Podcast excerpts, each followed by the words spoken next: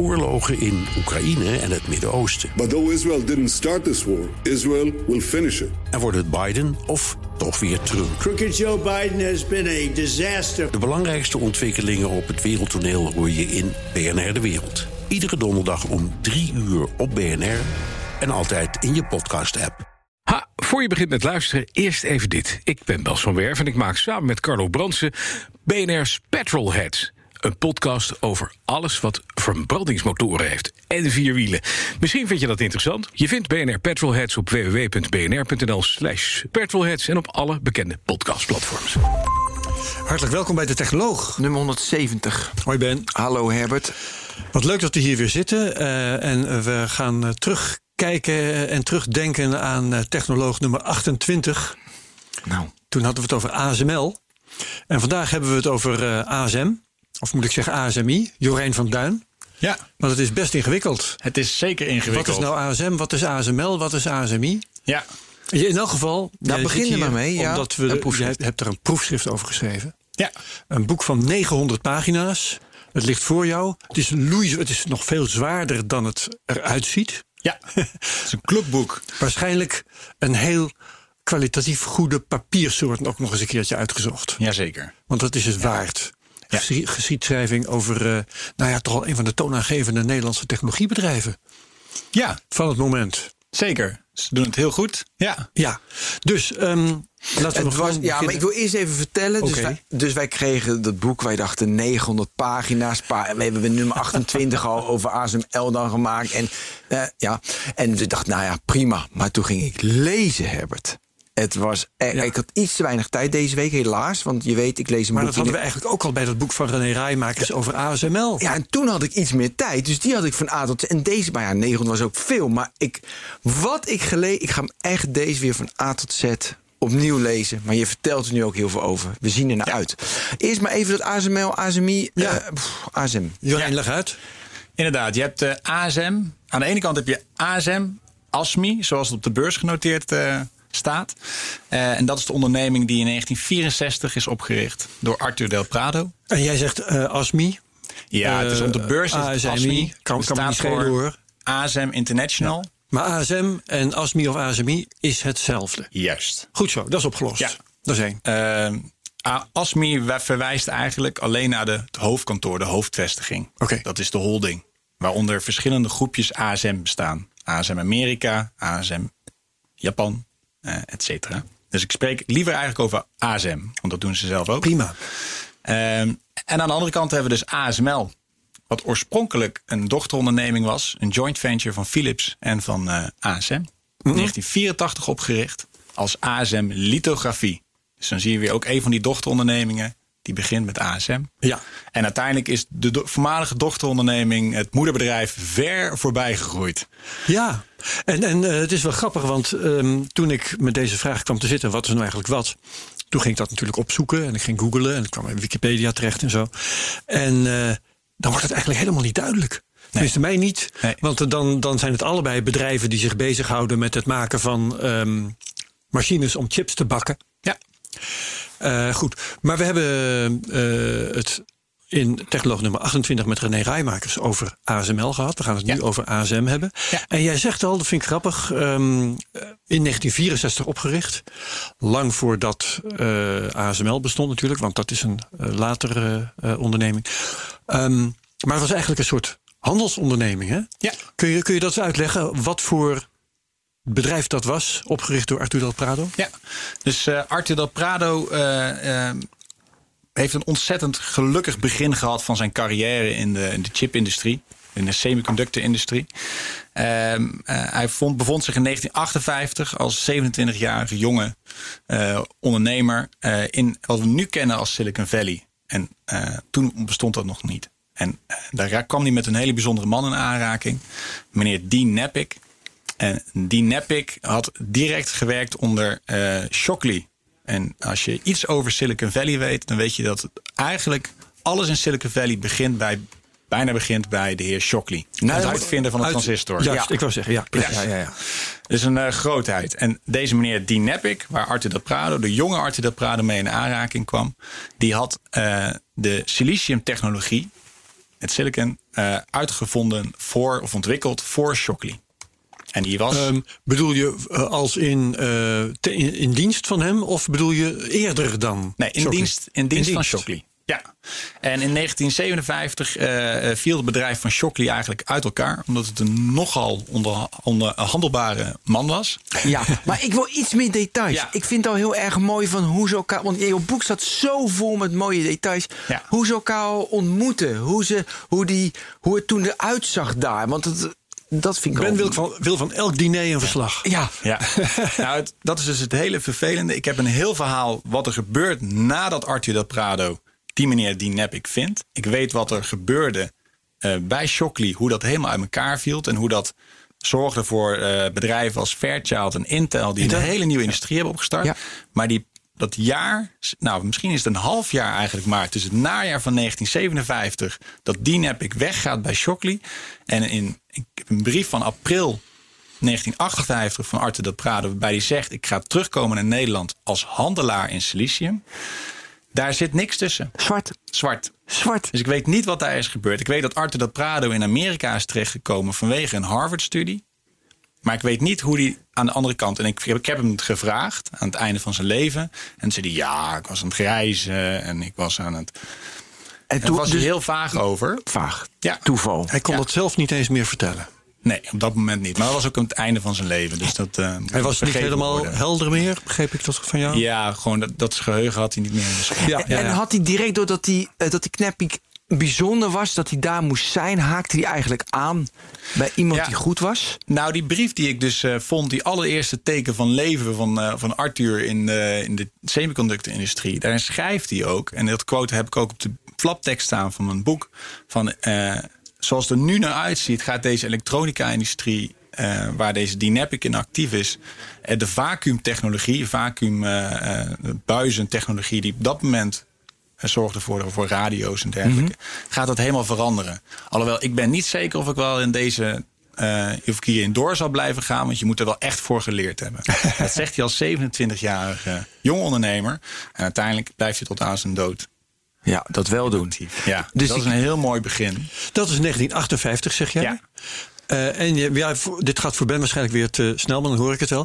Je zegt ASM opgericht in 1964. Dat klopt. Wat is daar tussenin, tussenin Ja. dan gebeurd? Dus Arthur eh stapt op het vliegtuig in juni 1958 terug naar Nederland als Europese marketingmanager voor die D-Nepic. En het bedrijfje Ah, heette zo. Nepic Electrophysics. En hij verkocht silicium. En dat waren op, dat moment was dat bedrijfje van D-Nepic Ja. de eerste vrije handelaar van dat eh, silicium. En wat verkoop je dan precies? Nou, het was een, een, een staafje heb je van ongeveer een inch doorsnede. Ja? En dat is silicium. Is hartstikke licht. Gewoon staafjes. Ja, En dat kwam met de boot. vliegtuig, want het weegt niks. Weegt dus het niks? heeft een hele hoge waarde, zeker in die tijd. Want in die tijd werden de eerste chips moesten nog op silicium gemaakt worden. Of chips bestonden eigenlijk nog niet eens. De eerste transistors moesten op silicium gemaakt worden. Dus hij was echt de eer, alle, hij bracht Ja. het si- silicon van Silicon Valley naar Nederland. Wat een inzicht van zo'n vent. Dat je, hè, de- hier is een nieuw product. Zo gaaf. En daar, dat wordt groot en daar ga ik de Ja. grondstof voor, voor verkopen. Ja, het is echt. En, en, de, eh, en de klanten.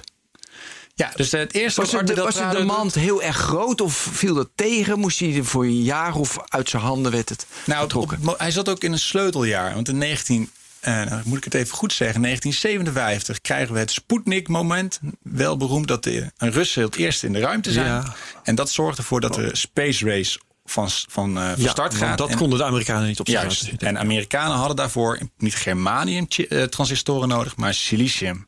En op dat moment stapt Arthur eigenlijk in datzelfde jaar... stapt hij in het vliegtuig met het eerste silicium... wat vrij beschikbaar is, naar Europa.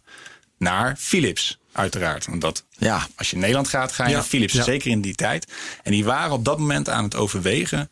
misschien moeten we ook maar iets van dat silicium gaan gebruiken. Maar even om Je het helder te krijgen. ook. Jij zegt sleuteljaar. Was dat dan 57 of Ja, 58? ik, volgens mij is 57 een Sputnik moment. En dan ziet in 58 zie je die omslag naar dat eigenlijk iedereen naar silicium dus dat is een sleuteljaar. Ja, dat is dat wil ik ook- even zeker weten, want in dat jaar ben ik geboren. Kijk. Dus dan hebben we dat Kijk, jij bent in de, sle- is in sleuteljaar geboren. Komt het in één keer allemaal mooi dat moet even samen. vastgesteld worden. Ja. hier. Ja, nou ja, ik ben in 68 geboren, is ook een Ja, sleuteljaar. ook dus- heel belangrijk, ja. Ja. Parijs en zo. Oké, nee, maar door. Dus Eh, eh Arthur begint als handelaar van, eh van Silicium. Maar vraag, eh, was er toen veel concurrentie? Was het een van, nou, nou, dus, dus naar mijn idee niet, maar kan je die markt een beetje beschrijven? Ja, Eh, dus op, als hij begint is hij de eerste, eh noemen ze dat merchant supplier van eh, silicium. Ja. ik zit wat, nog enkel, behoorlijk in de Engelstalige. Geef niet, we gaan gewoon door. Oh, Oké. Ehm, eh, dus hij is de eerste. Maar je ziet op, op dat moment dat al die grote eh, fabrikanten als eh, eh, Philips die en Siemens... en die besluiten eigenlijk hun eigen siliciumfabrikage op poten te zetten. Want het is zo kritisch voor, het, Ja. voor een productie, voor een product... voor het slagen van een product, dat ze het eigenlijk in huis moeten doen. Dus Arthur de Prado gaat in eerste instantie verkopen aan universiteiten... eh, eh, net subkritische bedrijven. En dan gaat het over heel Europa. Dus eh, heel West-Europa. En het zijn staafjes, onderscheidend vermogen dus eigenlijk niet. Net zoals olie of... De kwaliteit van, eh, van er zitten, eh, het zijn kristallen, Ja? puur meest zuivere kristallen. Dus je hebt silicium, eh, zand is silicium en dat is siliciumoxide eigenlijk. En dat vervolgens wordt dat helemaal zuiver gemaakt tot 99,999999% silicium. En dat heeft een bepaalde, die kristallen die daarin zitten hebben een oriëntatie, die hebben een bepaalde, eh, en die kun je beter laten geleiden op elektriciteit of minder laten geleiden. Dus er zit een kwaliteitsverschil in. Ja, het gaat echt. Maar die wil. liet hij dat, eh, maakte hij dat zelf? Had hij daar een fabriek voor of kocht Ja. hij dat ergens in? Nee, die dat maakte het zelf. In eh, Palo Alto, in eh, Californië. En Arthur de Prado die reisde dus constant rond met van die monstertjes. Die eh, gaf hij eraf. En dan stuurde hij dat gewoon per telex. Eh, eh, stuurde hij dat door.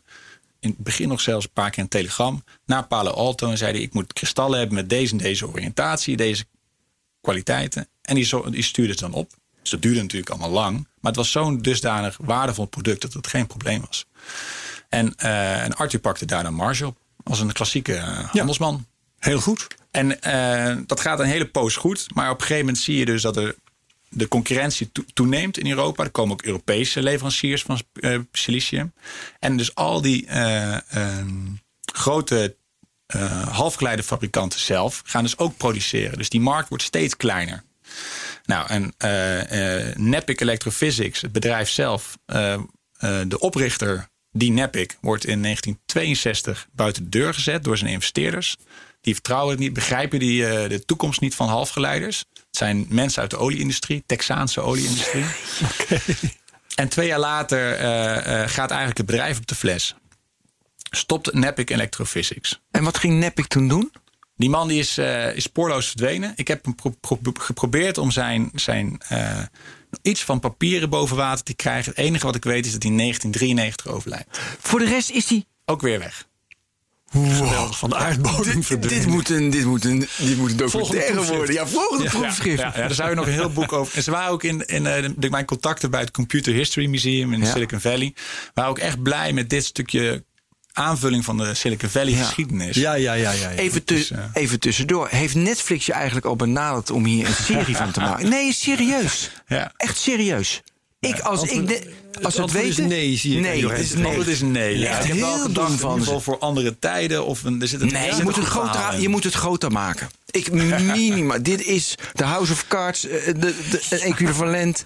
Ja. Ja, het Nou ja, is- zeker leuk- gezien het vervolg, hè? Maar daar Ja. komen we nog, Ja, nog Als je kijkt naar, ik weet niet of jullie de film hebben gezien, eh, The Founder over de McDonald's eh, oprichter. Niet gezien, maar begint in de film zie je je die man rondrijden als echt een, een beetje echt een typische verkoper, vertegenwoordiger. Nou, zo, zo moet je Arthur de Prado ook zien in zijn eerste jaren in Europa. Ja, ja, ja, ja. Gewoon- nog onkundig van wat hij allemaal zou... Ik zou bijna een chagraar willen zeggen, maar gewoon Ja. verkopen, bluffen, eh, binnen proberen te komen bij die grote bedrijven. Geld en verdienen. dat lukte hem uiteindelijk, want hij heeft 40% van de markt, silicium, eh, vrije siliciummarkt, in handen op het moment dat net Nepic op de fles gaat. Oh, en dat is voor 1964. Europa of voor Nederland? Europa. Europa. Ja, puur Europa. Dat is niet gering. En de omzet was? Ja, je hebt allemaal Ja, die eh, grafiekjes in je boek. toch in mijn hoofd, maar- Nee, maakt niet uit. Ja. Maar het, het, behoorlijk voor die tijd. Oké. Ja, ja, ja. ehm, ja. Goed. Toen was het 64, hè? Eh, Toch? Kwam, ja, we moeten naar ASM.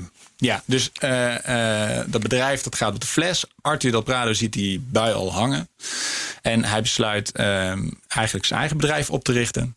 En ASM staat dan ook voor Advanced Semiconductor Materials. Dus eigenlijk zegt hij, ik handel in halfgeleidermaterialen. Silicium. Dus hij begint voor. als handelaar in silicium. Maar dat is ook interessant, Herbert. Want stel je voor dat die Nepic niet failliet was gegaan... dan was hij gewoon altijd een sales manager gebleven. Goeie kans. ja. Ja. Nou, Nee! nee. Maar dat, Wat voor vent was het, ga je nou Ja, waarschijnlijk? nou, het is echt een, eh, een rasondernemer.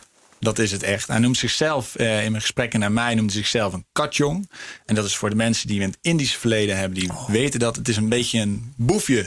Een scam, een eh, scamp, een... eh, Nou ja, zei al, hè? Dat, ja, ja, maar ook iemand die gewoon. eh, ja, die durft gewoon de grens op te zoeken. Is maar ook Arthur de Prado, enorme char, charmeur. Enorm charisma. Was in Twente tijdens de studententijd. Was hij eh, eh, hoofd van de studentenvereniging. Eh, dus iemand die kon een goed verhaal houden. Lange vent. licht getinte huid. Ehm, ja, daar luisterde hij wel naar. En ehm, Ja, dus uiteindelijk zou hij toch gaan ondernemen. We zitten, Hij richt zelf in 64 ASMM op. Daar waren we. Ja, dus en hij wat hij eigenlijk zegt is: ik, heb, ik ben die 40% van de markt in silicium, die heb ik ontwikkeld. Ik, ik, mijn product is dat ik toegang bied tot 40% van die markt. Dus hij zoekt een andere eh, siliciumleverancier aan. Had hij één vaste of had hij meerdere? Hij had heel veel. had op dat moment natuurlijk alleen Nepic en dat viel, Ja, weg. viel weg. En toen heeft hij een andere, een Deense ondernemer gevraagd. Ja. Ja, Topzee.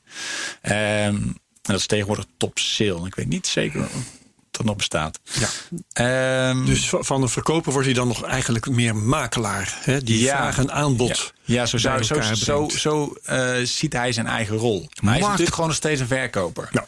En, eh, en hij gaat heel de snel gaat hij zijn, eh, gaat hij zijn producten diversificeren. Maar wat jij, wat jij zegt, is eigenlijk dat hij een verkoper is in twee richtingen. Hè? Eh, hij, de, de, de, eh, de gebruikers van silicium, die biedt hij silicium. Ja. En de fabrikanten van silicium biedt hij Ja. zijn klanten toegang tot de markt. Dat Ja. verkoopt hij aan hun. Ja, maar dat is een behoorlijk bijzondere manier om naar je eigen rol te kijken als verkoper. Zeker. Heel zelfverzekerd. Ja. En dat is ook iets wat hij constant blijft doen. En dat zorgt hem ook dat hij een aantal hele drastische bewegingen durft te maken. Vertel. Eh, nou, onder andere heeft dat te maken eh, dat hij een. hij, hij diversifieert heel snel naar machinebouw. Dat is ook een belangrijk. eh, hij gaat Oh, grote ovens gaat hij leveren aan Philips. Eh, en dus hij, heel snel is hij niet meer die siliciumhandelaar. Dus 64 begint hij als siliciumhandelaar. En 65 begint hij eigenlijk al met verkopen van grote machines. Die een, eigenlijk een laagje roest creëren op dat silicium. Dat is al nodig voor de productie. Maar wie maken die machines dan Dat was voor? een Amerikaanse leverancier. Dus hij zoekt constant naar leveranciers die in silicium iets met silicium doen. En dat denkt hij, oh, dat is wel handig, dit verkoop ik. Daar is vraag naar. Ja, dan gaat hij, en dan uiteindelijk zoekt hij steeds meer Amerikaanse le- eh, leveranciers. Want daar is die technologie in de industrie net een tikje verder dan in Europa. Zeker als de chip opkomt vanaf 1960. Ehm, en hij heeft dus altijd een voordeel. Hij, zij willen toegang tot de Europese markt, de Amerikaanse leveranciers. En alle Europese klanten willen eigenlijk die, een handen leggen op die geavanceerde Amerikaanse technologie. En hij zit daartussen met zijn enorme netwerk wat hij heeft opgebouwd. Even één ding wat mij fascineert. Wat doet dat laagje roest op het silicium, technisch gesproken? dat is een isolerende laag. Dus je bouwt een. eh, een, eh, bip- toen waren het nog bipolaire transistoren. En als ik het goed zeg, zit daar dus een, een, een, een geleidende laag silicium. Dan een isolerende laag silicium. En dan weer een geleidende laag. Dat spanningverschil zorgt ervoor dat je kan schakelen. Oh, Oké, dat heeft met eh, Gates en... roest. eh, ja. Ja, later te wordt het. Gates, maar dat, dat, ik noem het nu roest. Dus een beetje, eh, beetje flauw, maar het is eigenlijk een, ze noemen het zelf een oxidelaag. Siliciumoxide. ja. Ja. ja, ja. Oké, goed. Eh, Eh, Beeldhoven 64. Ik Ja. even dat huis op Google Maps heb ik opgezocht. Ja. Want ik woon in Soest, natuurlijk vlak bij Beeldhoven. Dus het huis Ja. herken ik dan als ik er langs rijd. ja, dat is, het zijn toch kleine dingetjes die ja, ik toch het is doen. eh, gewoon een oude villa begonnen. ja. En dus eh, ehm, dat gaat heel goed en hij ontwikkelt zich steeds verder als een machinefabrikant. Maar eigenlijk al vanaf het begin, ook al onder Nepic, wat Arthur de Prado eigenlijk wil doen, is die productie lokaliseren in Europa. Hij zegt dat op en neer vliegen van machines en specificaties naar Amerika. niet goed voor het klimaat. Waar, Nee. Niet goed voor het klimaat, zouden we nu zeggen. En, eh, maar ze hebben dan andere. Hè, we hebben hier het metrisch systeem en daar niet. Dus daar gaat constant gaat dat mis. En het, dat, dat kost gewoon veel tijd. Dus wat je moet doen voor hem, ook als handelaar, goed te kunnen functioneren. Lokale eh, productie of customization, zoals ze dat zou- nu zouden noemen. En dat wilde hij eigenlijk al met, met eh, silicium. Dat lukt niet. Ja. En uiteindelijk wil hij dat met machines ook doen. Dus eigenlijk op het moment Ja. dat zijn handel voor een product een bepaald volume bereikt, zegt hij steeds tegen de klant: Oké, nu gaan we een lokale assemblagefabriek openen. Ja. En doet hij dat zelf of dat dat wil hij dus steeds zelf doen. Want hij wil daar. Hij wil- je, ziet dus, je ziet dus steeds dat hij uit die rol van. Hij wil verder dan die rol van puur Ja, verkoper. ja, ja, ja, ja. En van zijn marge van de verkoop heeft hij het geld om zo'n machinefabriek te bouwen. Ja, deels. En dat doet hij natuurlijk altijd in een joint venture. Probeert hij dat te doen met de oorspronkelijke leverancier. Want die, is, die moet natuurlijk zijn technologie inbrengen. Dus daar zit wel een. Ja. En zoals je dat nu vertelt, maar dat doe je misschien ook wel expres, is het allemaal één grote vooruitwijzing naar die machines van ASML, naar de lithografie. Ook. Ja, en van ASM zelf nog tegenwoordig. Ja. Ja, Ja, nou, dus daar- bouw, ja, dat bouw je inderdaad naartoe. Ja, dat je ziet dat hij steeds meer op een bepaald spoor komt. Ja. En eh, wat we nu hebben gezien is het spoor. Hoe komt hij in de machinebouw, de chip-machinebouwindustrie terecht? En eh, dat begint dus bij siliciumhandel. En nu zitten we bij de machinebouw eigenlijk al bijna. In 1971 eh, maakte hij die grote overstap en gaat hij zelf machines bouwen. Ik vond ook wel mooi in je boek beschreven hoe de, de start-up scene in de jaren 60 was in Amerika. Kun je daar iets over vertellen? Of was het in de jaren 50? Maar je, je beschreef ergens. Ja, dus dat is dus dat het. eh, en zo ik zal ik kan het beste vertellen hoe Arthur de Prado dat zelf tegen mij vertelde. Hij Ja. zei, ja, toen was het al gewoon heel eh, ondernemend, was heel gedreven. Mensen gaan er, gaan er gewoon voor, voor de verkoop. Ja. Eh, en we geloven technologie.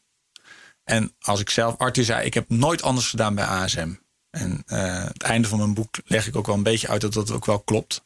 Eh, Ja. eh, dus ja, ja, er zijn natuurlijk heel veel andere hele goede boeken geschreven over Silicon Valley in die tijd. Dus daar zou ik tekort aan doen om dat eh, Omdat nu. eh, ja. in mijn termen te doen. Ja. Ja. Ik wil ook nog voordat we doorgaan, zeg maar chronologisch, wat ik, wat ik, dat staat volgens mij in jouw, je hebt een appendix, hè? Je hebt een, ja. En daar las ik in over een dynamische omgeving. En dan heb je de onderzoek drie elementen. Ik vond, weet je, in de, in, in de academische literatuur hoe je met die dynamische omgeving omgaat. Wil je die even, eh, vind ik, het pad moet je hebben. De, de, Ja, zeker. Dat vind ik even leuk, om, Ja. dat we dat ook even weten. Ja, dus eh, in mijn boek heb ik eh, naast het hele verhaal van Arthur del Prado, de Ja. organisatie van ASM. En ik kijk ook nog eens een keer naar de technologische ontwikkeling. Dus eh, daar zijn gaan we zeker over hebben. Ja, hoe die dynamiek eh, zich verandert.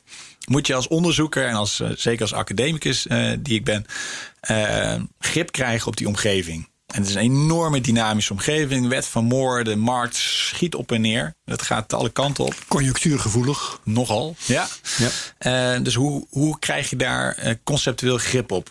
En eh, er is een, binnen de sociale en economische literatuur... is er een, heel, een hele rijke traditie... die eigenlijk technologische ontwikkeling ziet als een evolutie. Evolutieleer. Ehm, nou, en dan kom je ook terecht bij Darwin natuurlijk. En wat zegt die? Die zegt dat je mutatie hebt, een selectie en reproductie. Dat zijn eigenlijk drie zaken. Ik ben er eigenlijk op dat spoor terechtgekomen via een al hele andere eh, route die ik nu buiten beschouwen zou laten. Maar ik noem mijn boek, kijk ik naar Fortuna, het onverwachte. Je zou het kunnen zien als de mutatie. Ja. Eh, dat wat je niet had verwacht. Eh Virtu, dat is hoe ga je met die on- nieuwe omsituatie die alles, al jouw eerdere eh, preconcepties overboord gooit. eh, hoe ga je daarmee om? En eh, welke creatieve pad be- beloop je? Nou, dat zou je in Darwinistische termen als selectie kunnen doen. Dus we hebben nu mutatie, selectie, Fortuna, Virtu. En een pad is dan reproductie, weer de regelmaat, de nieuwe regelmaat die daaruit voortvloeit. En zo kon ik dus heel goed kijken met deze drie elementen naar grote veranderingen, naar regelmaat, maar ook naar creativiteit. Nou, hoe ga je om met die veranderende omgeving? Ja, en van nature was dus de Prado, die, die had die elementen in zichzelf. Had die vereenzelvigd of juist niet? Waar was hij beter in? Meer in Fortuna of meer? Ja. Volgens mij niet in pad. Volgens mij had hij pad minder. Nee, dat, dat zou inderdaad. eh, dat klopt inderdaad. Ik dus ik zat lees. heel erg te zoeken ook eh, de, eh, in de geschiedenis van ASM, omdat Arthur del Prado vanaf 1964 tot 2008 bestuursvoorzitter blijft en echt heel strak de touwtjes in handen houdt, de spin in het web blijft, had ik problemen mee dat ik zijn eh kwinkslagen, zo zou ik het willen noemen, die heel erg verbonden waren aan zijn persoonlijkheid, dat ik die eigenlijk niet goed eh, in een kader kon passen. Als je een academisch kader gaat eh, toepassen op een bedrijf, dan ga je eigenlijk heel vaak naar dat pad, de reproductie, naar de regelmaat ga je zoeken. Terwijl door Arthur de Prado was alles constant onregelmatig. Soms Ja. gewoon zo onverklaarbaar, alleen maar door zijn karakter te verklaren. En dat was eigenlijk voor mij de aanleiding dat ik dus naar Fortuna en Virtu moest eh terecht kwam. ja, en waarbij ik dus echt zeg van nou, die creativiteit, dat omgaan met dat onverwachte, die, die katjong, die term die ik al eerder liet vallen, dat is echt Arte del Prado. Gewoon eh, met het onverwachte, gewoon doorgaan, daar een kans in zien. De, eh, en dat heeft ASM gered op een aantal heel kritische momenten. En heeft ook mede voor gezorgd dat we ASML hebben. Dus dat die man. Ja, maar eigenlijk als je naar de hele techsector kijkt... is Fortuna en is Virtue, die twee eh, weet je, elementen, verschrikkelijk belangrijk. Ja. Ik, ik zie geen één techbedrijf die in het pad, zoals jij het even beschrijft... eh, allemaal namen, allemaal modellen, prima... die dat pad zorgvuldig doet. Dan zit Ja. je meer in de bankwezen en... eh, Nou, daar ben ik het niet helemaal mee eens. Mooi. Ja. ik verzon hem ook ter plekke. Ja, nee, dus, eh, je ziet vaak ook in een, een techbedrijf, en zeker in die jonge, in de eerste fase, dat ze Fortuna en Virtu heel erg nodig hebben om grote sprongen te kunnen maken, naar Ja. een breder publiek te kunnen bereiken. Maar een bedrijf als ASML, zoals het nu is, wat tot de absolute veel pad, top? Ja, is gelijk. alleen maar pad. Ja, en ook natuurlijk- eigenlijk de staat voor een ASM, En en Apple ook. ASM op dit moment ook, is puur control. Ja, Apple ook. Ja, Ja. dan is dus Gelijk. eh, Excelleren. de, de, de figuur Del Prado de juiste man op het juiste moment geweest. Op het moment Ja. dat het allemaal ontwikkeld moest worden. Ja. Ja, en je zou, misschien op het einde van het gesprek komen we er ook nog aan, zou ik kunnen zeggen dat hij te lang in zijn, met dat, dat talent, te lang bij ASM aan het roer heeft gezeten. Dat zou heel goed kunnen. Ja, ja, ja, ja. Ja, die conclusie trek je ook. Maar ik denk dat had je dat boek niet eens voor hoeven, eh, had je dat onderzoek niet hoeven doen. dat was ook natuurlijk die hele periode dat wat, wist wat zijn iedereen. terugtreden heeft gekenmerkt met activistische aandeelhouders. Wat dat draaide eigenlijk over deze vraag. Ja. Kunnen we over de technologische ontwikkeling in de jaren 60 vertellen? Hoe de silicon veranderde met het.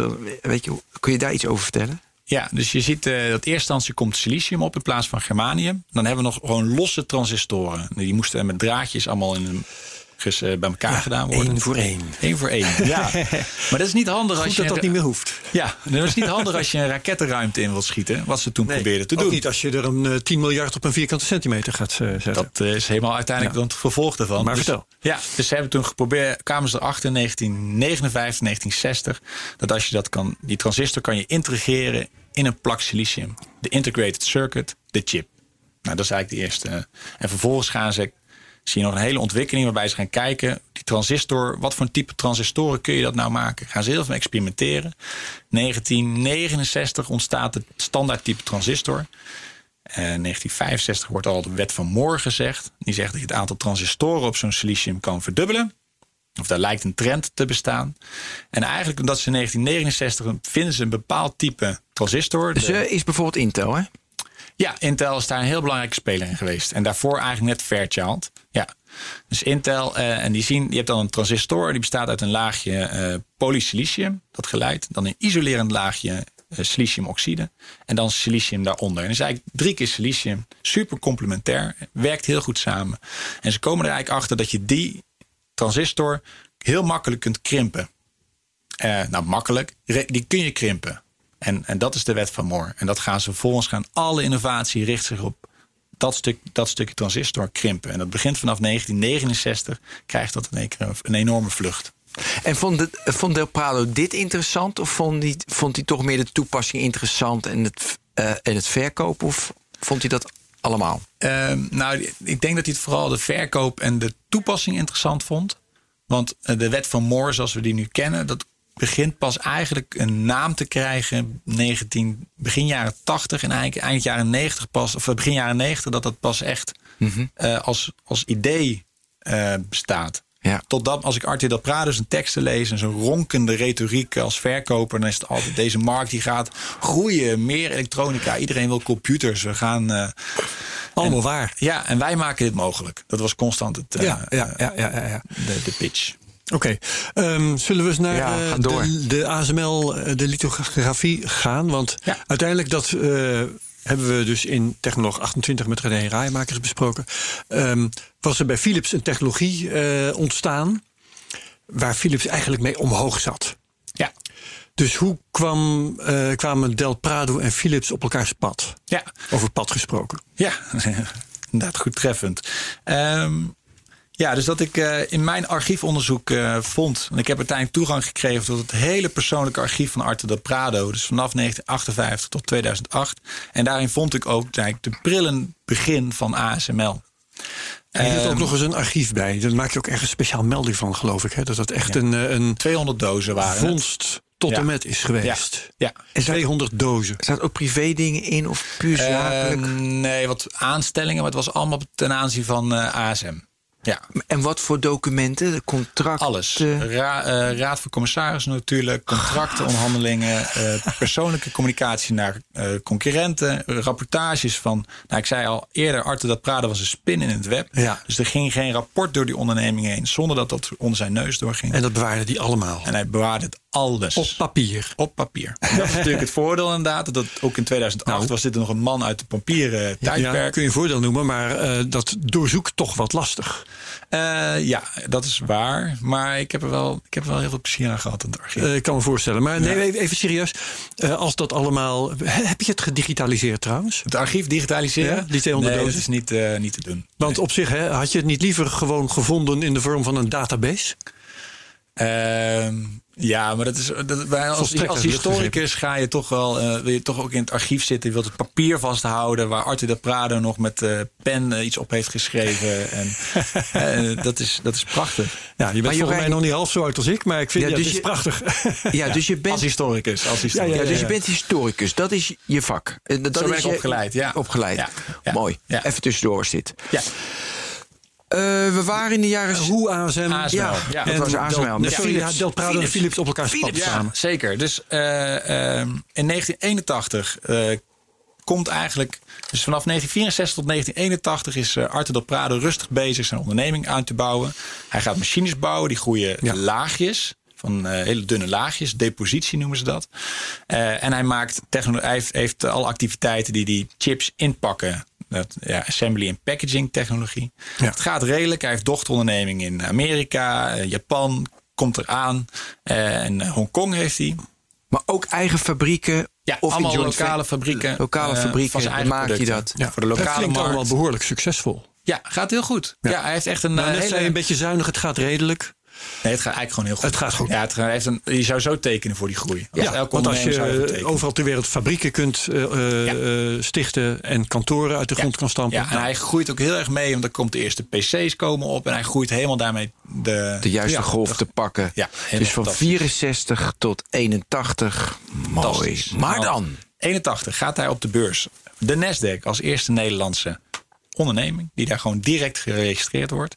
En dat plaatst hem ook in Nederland eigenlijk op de kaart. Tot die tijd zag niemand hem staan. Want wat is dat nou ASM? Wat is dat eh, semiconductor equipment? bedrijf, Waar ja. heb je het over? Ja. Niemand begrijpt dat. heeft het publiek natuurlijk ook geen boodschap aan. Dat is alleen maar belangrijk voor zijn klanten. Ja, en bankiers begrijpen dat ook niet. Hoeft Dus- ook niet, want hij verdient ge- geld zat. Nou, toch? om die extra groei te moeten maken, moet je toch vaak net even wat eh, bijzetten. Vandaar dat hij ook op de beurs gaat. Eh, en dat brengt hem eigenlijk ook in contact met economische zaken, het ministerie van Economische Zaken. En die zijn eindelijk blij dat er onder Nederlandse zon ook een ander technologiebedrijf, is dan Philips, Dan wat Philips. in die eh, microelektronica eh, bezig is. En nog eens een klein stukje context in deze periode is- is wat we nu hebben in Nederland met we moeten verduurzamen en we moeten naar artificiële intelligentie. Dat was toen microelektronica. Daar Als moeten we naartoe. Dat moeten we doen als we onze economie klaar moeten maken. We komen uit de jaren 70 met enorm veel stagnatie. Bedrijven vallen om. Gaat allemaal of heel veel overheidssteun, maar dat werkt allemaal niet. We moeten naar een nieuw elan. Dat is microelektronica en innovatiebeleid. En wie is daar? Een jonge ondernemer. Net op de beurs van Nasdaq. Die man moeten we, daar moeten we een kop koffie mee gaan drinken. En dat is Arthur de Prado. Ja, eh, toen met Philips in de jaren 70 bijvoorbeeld. Want we hebben over, hoe ging Philips toen met Del Prado om? Nou, in eerste instantie kocht, eh, kochten zij eh, die eh, ovens, kochten ze, die eerste machines waar Ja. ik het eerder over had. Die kochten ze wel.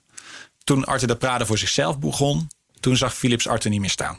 Dus die relatie was moeilijk. En Arthur de Prade was er altijd zeer gepikeerd over. Want hij zag dat in Amerika zijn Amerikaanse bedrijf wel Amerikaanse klanten kon leveren, maar niet aan Philips. Dus die relatie was altijd heel moeilijk. En wat eigenlijk gebeurt in 1981 als Arthur op de beurs is geweest en die relatie opbouwt met economische zaken, dan gaat hij eh, via het ministerie van Economische Zaken en het, eh, het, het, el- eh, het momentum wat dan bestaat van we moeten innovatiebeleid, we moeten microelektronica, Nederland moet daar een rol in spelen. Ja. Gaat hij op dat, die, dat gevoel gaat, dat sentiment gaat hij eh, inspelen. En dan zegt hij. eh, constant tegen. Ik heb dus brieven gezien naar econ- mijn ministerie van Economische Zaken. Ja, wat jammer dat Philips dit niet eh oppakt. Eh, en naar Philips doet hij precies hetzelfde. Hij schrijft naar de grote Philips mensen schrijft hij brieven en die worden allemaal onbeantwoord of in ieder geval vriendelijk bedankt. Want we hebben je brief ontvangen, leuk. eh, we hebben geen tijd om te reageren. keer. Ja. Dus hij doet enorm charme-offensief via het ministerie van Economische Zaken. En tussentijd is dus Philips bezig om die lithografietechnologie die ze intern bij NatLab hebben ontwikkeld. Waar René fantastisch vertelt hoe die dat eh, Precies, ja. eh, naar boven komt. Eh, dat proberen ze aan de man te brengen. Maar ze kijken eigenlijk alleen naar hele grote Amerikaanse partners. En Arthur de Prado die komt elke keer, als je dan... gegeven moment komen er ook bijeenkomsten tussen Philips, eh, ASM en het ministerie van Economische Zaken. Ja. En elke keer zegt hij, goh, ja, die lithografietechnologie, ik wil het wel proberen. Ik heb een internationaal verkoopkanaal, zijn we weer. Ik heb Ja. een netwerk. Ik bied jullie daar toegang toe. En dat heeft eh, René verteld in Technoloog 28. Ja. Pas als alle kandidaten zijn afgevallen voor die technologie van Philips, dan komt Arthur Del Prado in beeld. Ja, klopt helemaal. Ja, maar het is, dat, dat is een, dat ik opnieuw heb eh, gevonden. Dat er eigenlijk via de, de overheid daar en het idee van we moeten een Nederlandse microelektronica-industrie opbouwen. Dat is het sentiment wat eigenlijk de, de deur opent voor deze Ja. samenwerking en voor de oprichting van ASML. En dan Ja. heel ver vooruit, als je nu ziet wat de rol is van ASML voor de Nederlandse industrie.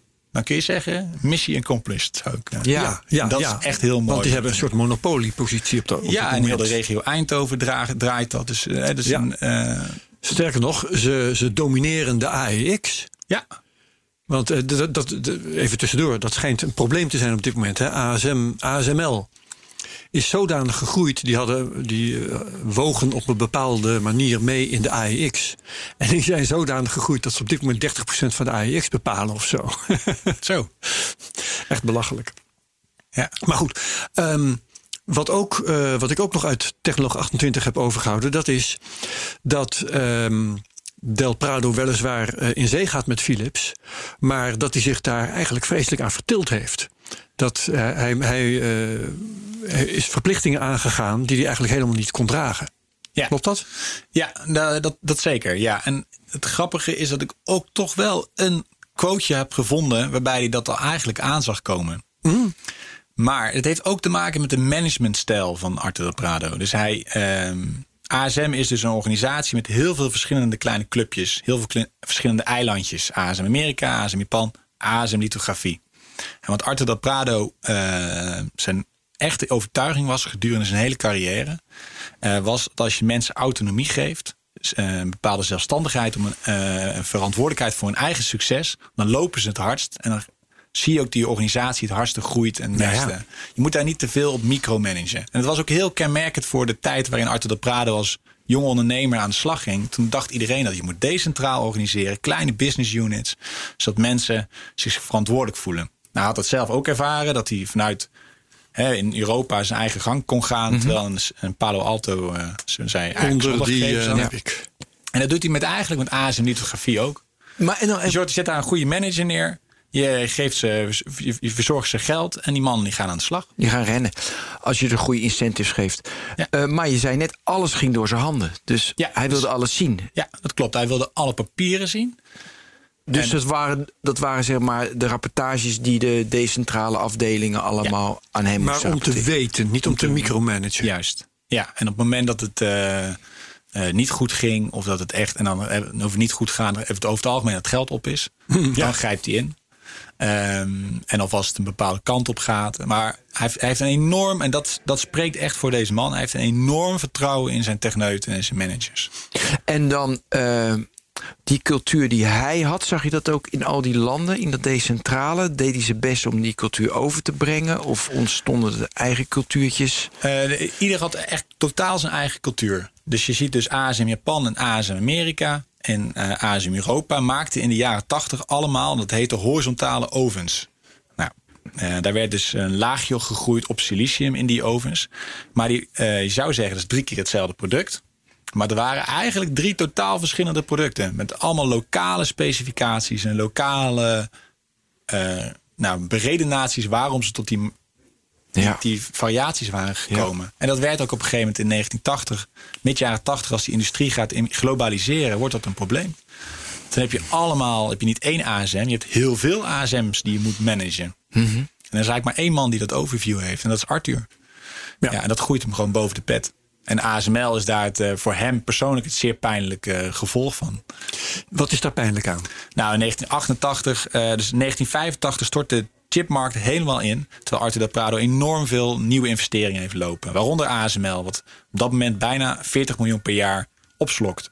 Waarom, dus waarom stort het in? Nog even? Eh, er is op dat moment een, eh, een overvraag, overproductie geweest in de memory chips. Ja. Eh, en, en En het was ook gewoon een economische crisis. Hè? Dat was ook een periode 85? dat de huizenprijzen in elkaar Ja. zakten. En Ja, van ik alles dacht en dat dat iets eerder was. Hoge werkloosheid, eh, 200 sollicitanten op elke baan. ik dacht en zo. 81, 82 dat het was. Ja, ook. En dan het 84 klapt die. In ieder geval qua de, de geheugenchipmarkt. Zie je dan een enorme dus concurrentiestrijd tussen Amerika en Japan. Ja. Bedrijven.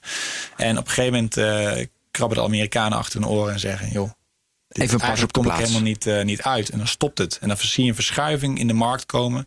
Geheugenchips gaan naar Japan. En de normale microprocessors die gaan naar Amerika. En in Europa daar gaat het nog een, die denken nog een tijdje door te kunnen gaan met, met, met geheugenchips. Eh, en in deze dynamiek zorgt ervoor dat Arthur de Prado eigenlijk geen inkomsten heeft, maar gigantische uitgaven naar allemaal nieuwe fantastische projecten die hij heeft opgezet bij al die bedrijven. En dat eh, investeert hij vervolgens uit lopende bankrekeningen. Omdat hij niet wil, eh, niet extra kapitaal, hij wil geen aandelen uitgeven. Hij wil zelf niet onder de 50% zakken, want dan was die bank dus zijn controle kwijtraakt. Ja, ja, ja. Nou, een banklening, die wilde gewoon geld terug hebben. Dus na drie jaar, 1985 doet, hij- doet hij dat, 1988 wilde die bank gewoon een geld terug hebben. En dat kan hij niet langer. Hij kan het geld niet meer opbrengen, omdat die crisis zet zich te lang door. En hij is door die versnippering van ASM, al die verschillende ASM's, niet in staat om daar een eenduidig, goed, adequaat antwoord op te geven. Ja. En zo verliest hij ASML. In 88. Ja, Ja, maar het is ook interessant, hè? want nu zie je bij al die techbedrijven dat ze wel een votingmeerderheid hebben, maar wel een aandelenminderheid. Dat had hij ook kunnen doen. Ja. Maar dat was misschien toen nog helemaal niet. Dat dat, toen moest je voting Ja. en het aandelenpakket. Ja, dus- moest misschien gelijk zijn. En hij wordt ook wijzer. Dus dat zie je ook in, het- in, in, in een boek zie je hem ook ontwikkelen. Je ziet op een gegeven moment ook. eh, En uiteindelijk is dit iets wat hij noodgedwongen heeft losgelaten hoor. Want op een gegeven moment moet hij wel meer aandelen uitgeven om überhaupt de boel te redden. Ja. Eh, eh, maar dit is echt een fout. En hij zegt zelf altijd: de banken hebben mij ASML afgepakt. Maar er zit ook, ja, er zitten ook keuzes achter. Dus dat is eh, Ja. heel pijnlijk voor Dat, dat, en je zegt pijnlijk, dat heeft hem ook dwars gezeten de rest van zijn leven? Ja, je wel, ziet eigenlijk in 1988 treedt ASM dus eh, nou, eh, terug uit de joint venture van ASML. Ehm, en eigenlijk binnen een jaar probeert Arthur Del Prado alweer terug te komen. Maar op dat moment, 1988 tot 1992, zou je kunnen zeggen dat ASM technisch failliet is. Alle producten die het hebben, die lopen niet meer. Ze zijn uit ASML gestapt, dus helemaal geen geld. Dus Philips zegt ook, ja, je mag wel terug, maar je kan niet terug, want je hebt geen geld. Maar had hij niet helemaal in het begin nog een plukje van 5% kunnen houden? Of desnoods 1%? Ik bedoel. Dat, dat Hij kon gewoon niet meer bijbetalen. Op dat moment draaide ASML ook nog totaal geen winst. nee. Dus, Dat eh, was ook heel lang een probleem, hè? ja, en Ja, ja, ja. twee, drie jaar later draaien ze wel, beginnen ze de eerste eh, break-even te draaien. Wat echt ontzettend knap is.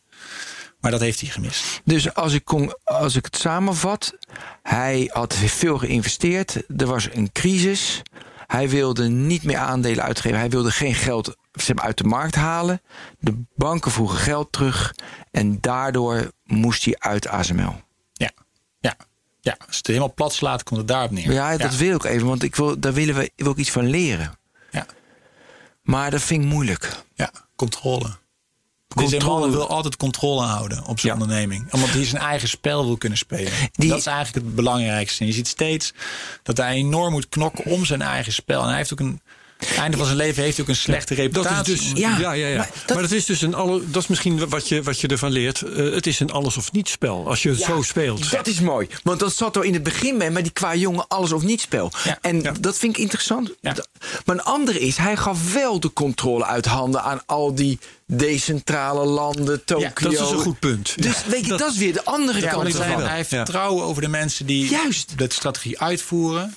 Maar hij wil... Dat is vertrouwen binnen zijn bedrijf. Ja, absoluut. Terwijl hij eh, Ja. wantrouwen had ten opzichte van Nou, niet het bedrijf. wantrouwen. Hij, wil, hij nou wilde zijn eigen spel kunnen spelen. Ja. En hij ziet eigenlijk al vanaf het begin van zijn carrière... dat niemand begrijpt welke sector hij eigenlijk zit.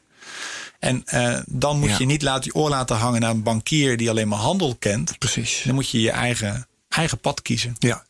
Dus ehm, ASML kwijtgeraakt, maar ASM, ASMI, eh ASMI Ja. blijft bestaan. Ja. Bestaat nog steeds. Ja.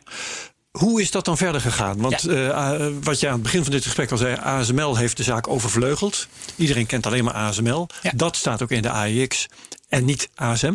Misschien binnenkort, volgens mij, hoorde ik... eh, Dat is interessant. Ja. Maar nu eerst eventjes ehm, vanaf het moment dan dat die ASML is kwijtgeraakt. Hoe is dat dan verder gegaan met ASM en Del Prado? Ja, dus eh 19, tot, tot en met 1992 duurt de crisis gigantisch door bij eh, ASM. En eh, staat ASM voor een keuze. Ze hadden tot die tijd eh, een aantal producten om laagjes te groeien. Een computerchip bestaat uit heel veel laagjes. Ehm, en eh, voor ieder laagje heb je eigenlijk een nieuwe machine nodig, een nieuw proces. Eh, ieder laagje wordt vervolgens ook een patroon, wordt een, een patroon van gemaakt. Dat doe je met de machines van ASML.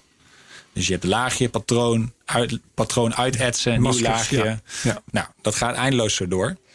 Het voordeel van de machines van ASML is dat je dus steeds een, een repetitieve actie hebt, namelijk een patroon aanbrengen.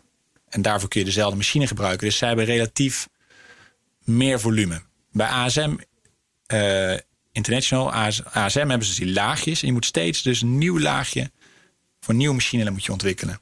En dat is voor elke laagje heb je ook een nieuwe markt waarop je moet concurreren. Dat zijn hele andere eh, volumes. Dat is een heel ander eh Ja. speel, spel Minder, aantrekkelijk. Minder, Ja. Het schaalt minder. Ja. Ja.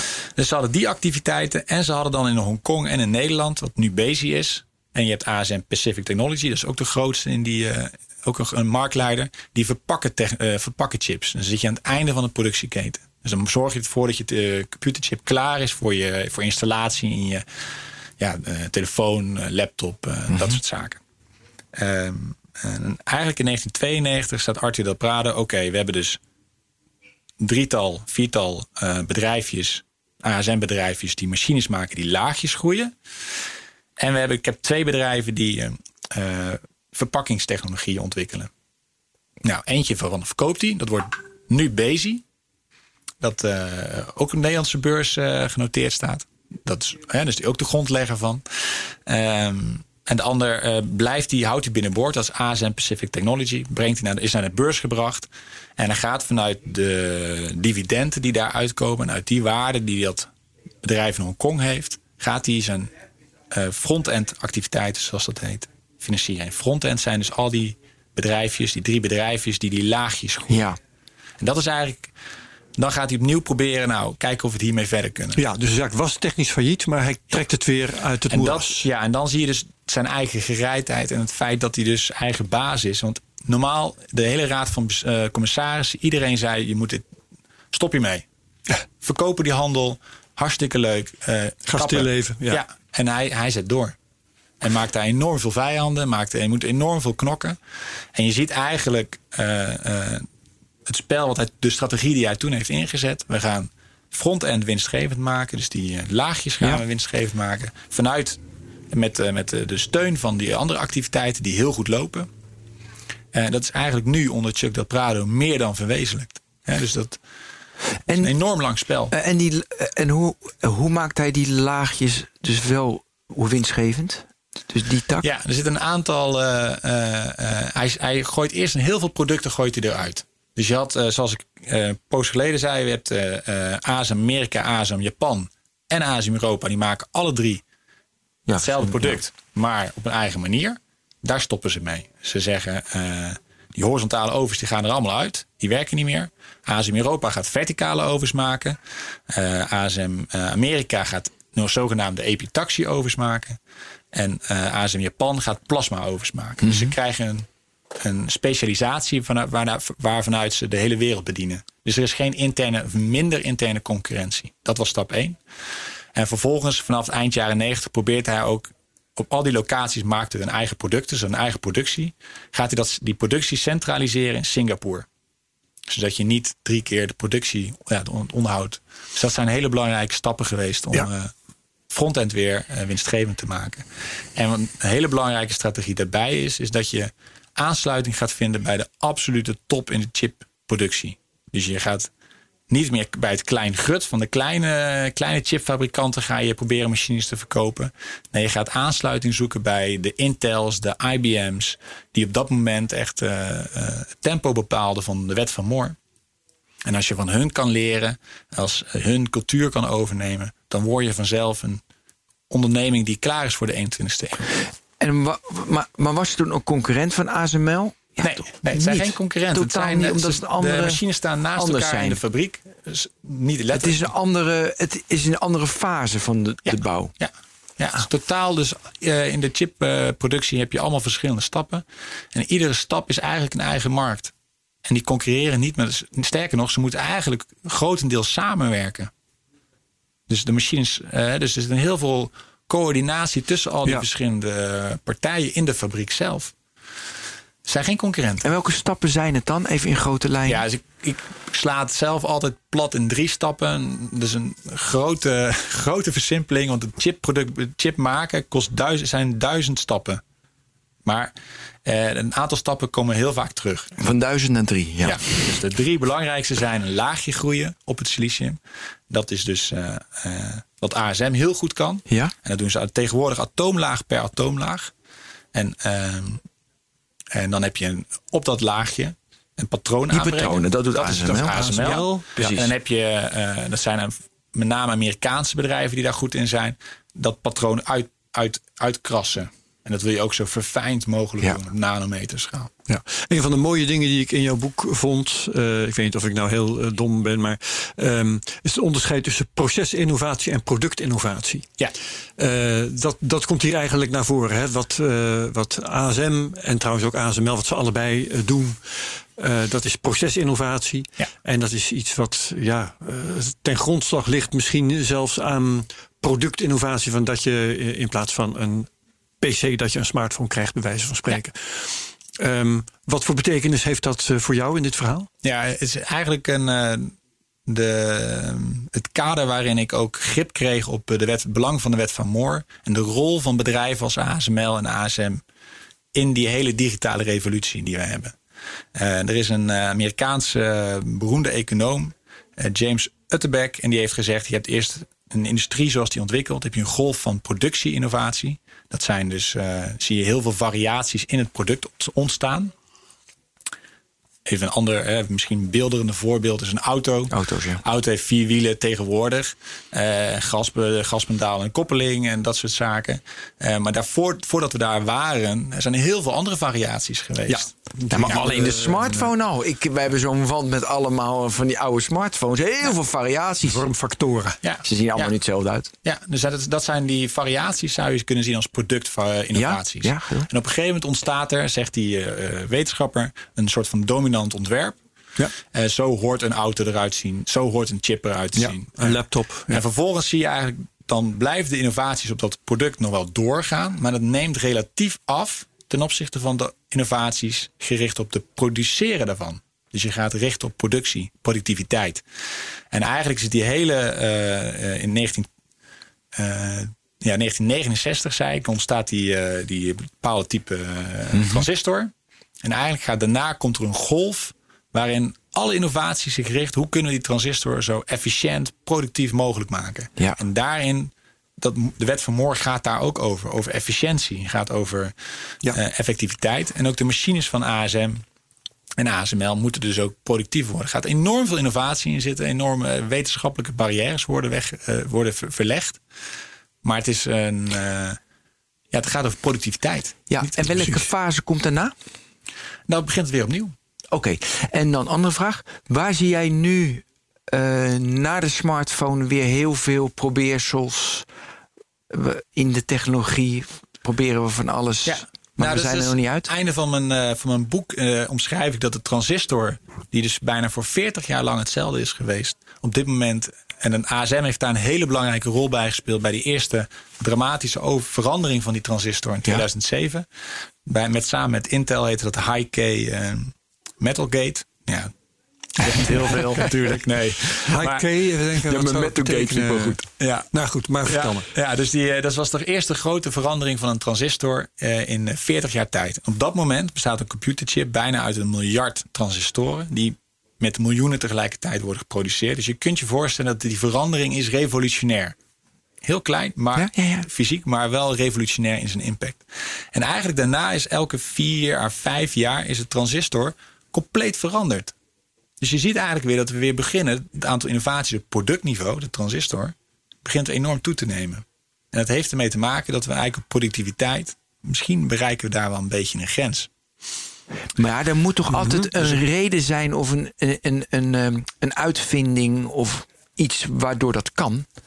Ja, dus er zit enorm veel innovatie in. Aan alle kanten. Dus je wilt het product wil je veranderen, je wilt de Ja, maar productiviteit. dat we weer naar het product kunnen, dus al die variaties, er moet een externe vaak reden zijn waardoor dat kan. Eh, bij de smartphone, dat er eh, inderdaad dat de chips beter werden, dat we dat allemaal in een klein, to- weet je, in, in, in een klein toestelletje konden Ja. doen. Nou, dus dat was de reden. Ja, we zijn technologisch verder ge- gekomen, maar het kost ook gewoon. De, om die huidige trend voor te zetten, kost ook gewoon zoveel geld dat het ook weer de moeite wordt om iets alternatiefs te bedenken.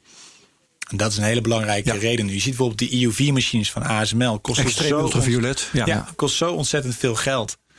eh, dat het ook interessant wordt. En heel veel partijen proberen dat, maar het lukt nog niet. Maar eh, om dan alternatieven te gaan bedenken.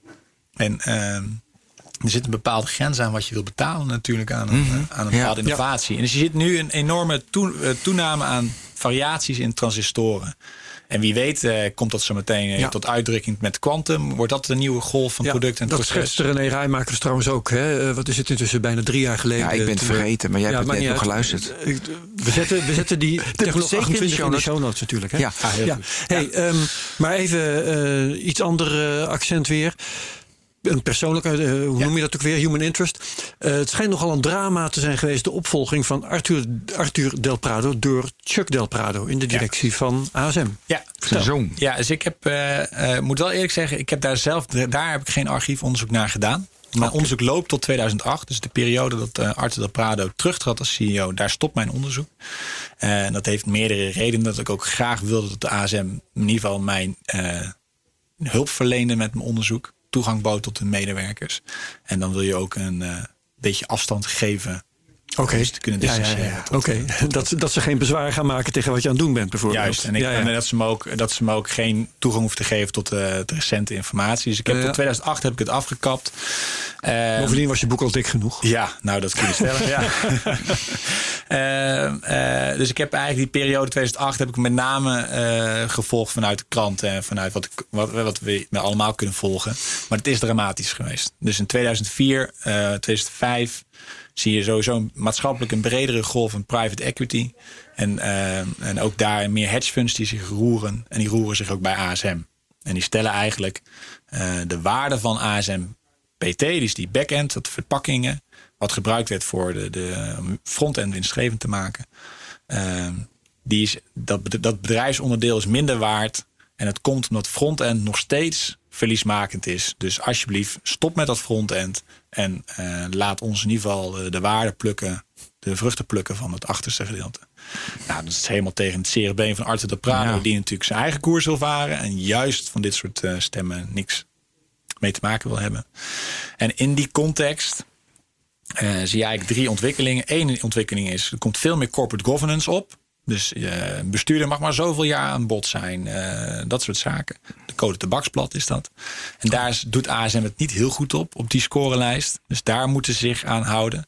Dan heb je een activistische aandeelhouder die zegt... Goh, knip dat bedrijf maar op. En dan binnen die context... ehm, komt er eigenlijk een ontwikkeling die al in 2001 is ingezet. Maar die dan eigenlijk tot eigenlijk, ja, meer vaart krijgt van Arthur Del Prado. Je bent al vanaf 1964 aan het roer. Wordt het niet eens tijd? Dat je een stapje terug doet. Ja. Ook voor de continuïteit van het bedrijf. Want omdat hij zo'n speelend eh, eh, speel is, ja, moet er moet even een opvolger worden ge- gedaan. En daar hebben ze in poging toe gedaan tussen 2003 en 2005. Die kandidaat, kandidaat dat werkte niet helemaal goed. Ja, ga je kijken wat is er dan wel. En uiteindelijk is dit een industrie waarbij je eh, eh, je kunt daar niet een algemene manager neerzetten. Dat bestaat niet. Je hebt zo'n ontzettend intieme kennis van deze industrie nodig, van de dynamiek van het bedrijf. Eh, Je kunt alleen maar managen als je ook verstand hebt van de techniek. Daar komt Ja. het dus een beetje op neer. Zie je bij ASML ook trouwens. Ja, absoluut. Ja. Ja. Ja. dus dat, eh, eh, nou, dat is een ontwikkeling. En daar kwam Chuck Del Prado uit. uit dat is een compleet eigen, eigen ontwikkeling. Waarbij ze hebben gekeken wie zou nou de perfecte opvolger zijn. Maar die vond tegelijkertijd parallel plaats aan dat gebeuren. Dus van die. We moeten meer, beter houden aan de regeltjes van een goed bedrijf. En we hebben activistische aandeelhouders die eigenlijk iets anders willen. Nou, en dat komt bij elkaar samen. En dat eigenlijk gooit, besmet dat het hele terugtreden van Arthur Del Prado. En het aantreden van Chuck Del Prado. Want Chuck Del Prado is twee maanden in dienst. Of als CEO. Maart eh, negen- 2008. Zeg ik het goed? 2000, eh, ja, 2008 eh, treedt hij aan. Mei 2008 is zijn eerste aandeelhoudersvergadering. En is er eigenlijk al een stemming om hem te laten vallen. Ja, dus dat gaat niet eens meer over prestaties, gaat het niet meer over functioneren. En het beeld is natuurlijk ook, ja, qua beeldvorming is het ongunstig. Het is de zoon van. En Daar zijn heel veel, ja, is iedereen opgesprongen. En het is een enorm wespennest. Shakespeare-drama is een van de titels van het FD uit die tijd. En dat, dat, ja, dat vat het wel samen. En eh, daar, daar is geen oog voor, voor de interne dynamiek van zo'n bedrijf of eh, wat daar gebeurt. Nou, uiteindelijk eh, zie je dat in 2012 ASM via de Hoge Raad gelijk haalt bij, eh, op de activistische aandeelhouders. En ja, hoe de status van nu van ASM International, het is ongelooflijk hoe bloeit die organisatie bloeit. Ja. Dus Chuck De Del laatste Prado heeft wel echt zijn. eh, Aandelenkoers gaat de lucht in. ja, Van 37 dollar 31 oktober 2018 naar 108 dollar vandaag. Dus drie keer. ja. Dat is echt niet normaal. Ik zei ook al voor de grap, toen ik begon met mijn onderzoek zes jaar geleden, stond het aandeel van ASM op de AX, of op of, eh, de Amsterdamse beurs, op eh, volgens mij nog minder dan ja, 20 tot 25 euro. Ja, klopt. Ja. En als ik dat toen had 25. gekocht, dan had ik nu een goed rendement gehad naast mijn eh, onderzoek. Ja. vier.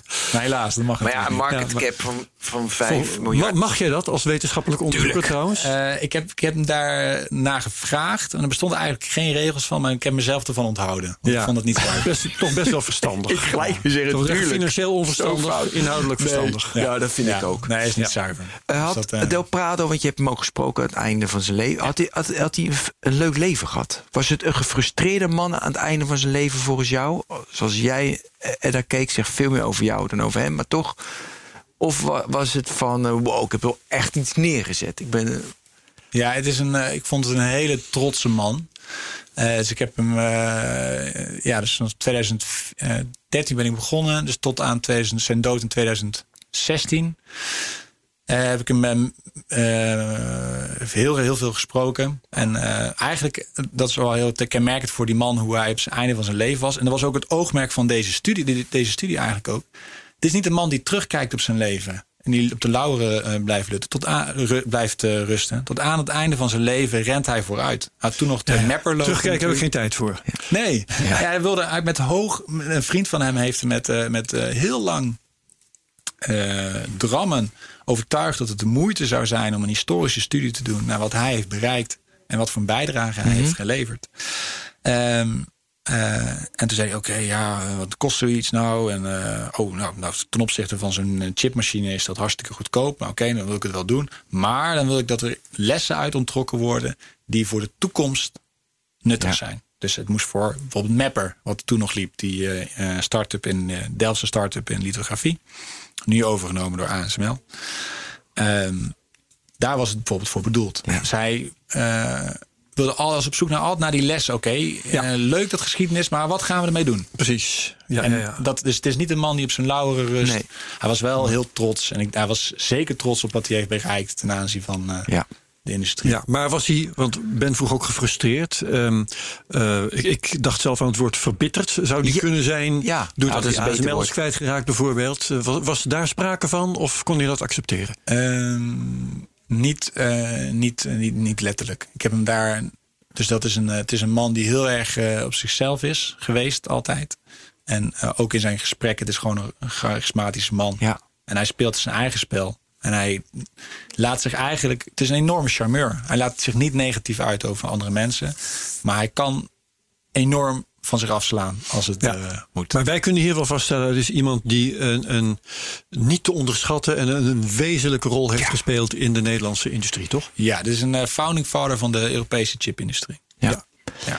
Daar moeten we het bij laten. Ik heb nog één vraag Doe tot dat. slot. Wie gaat de hoofdrol spelen in de Netflix-serie? Heb je daar al over nagedacht?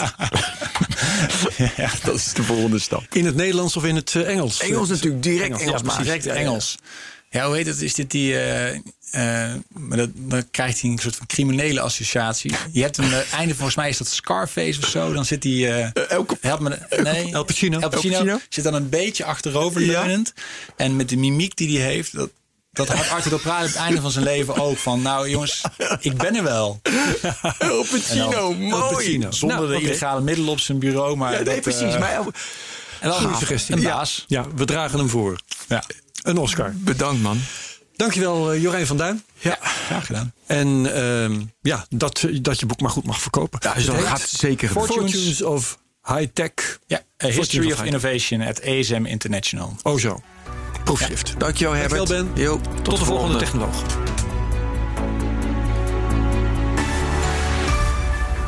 Hi, heb je misschien zin in nog een mooie podcast? Ik ben Jesse Pinster en ik maak de podcast Europa Mania. Dat doe ik samen met Han-Dirk Hekking van het Financiële Dagblad. Een podcast over alles wat er speelt in de Europese Unie. Misschien vind je dat wel interessant. Je kan de podcast vinden, Europa Mania, op de BNR-website... en natuurlijk op alle bekende podcastplatforms. Ook Harm Edens vind je in de BNR-app. Je kunt BNR Duurzaam niet alleen live luisteren in de app, maar ook terugluisteren als podcast, zoals al onze podcasts. En naast dat de BNR-app Breaking News meldt, houden we je ook op de hoogte van het laatste zakelijke nieuws. Download nu de gratis BNR-app en blijf scherp.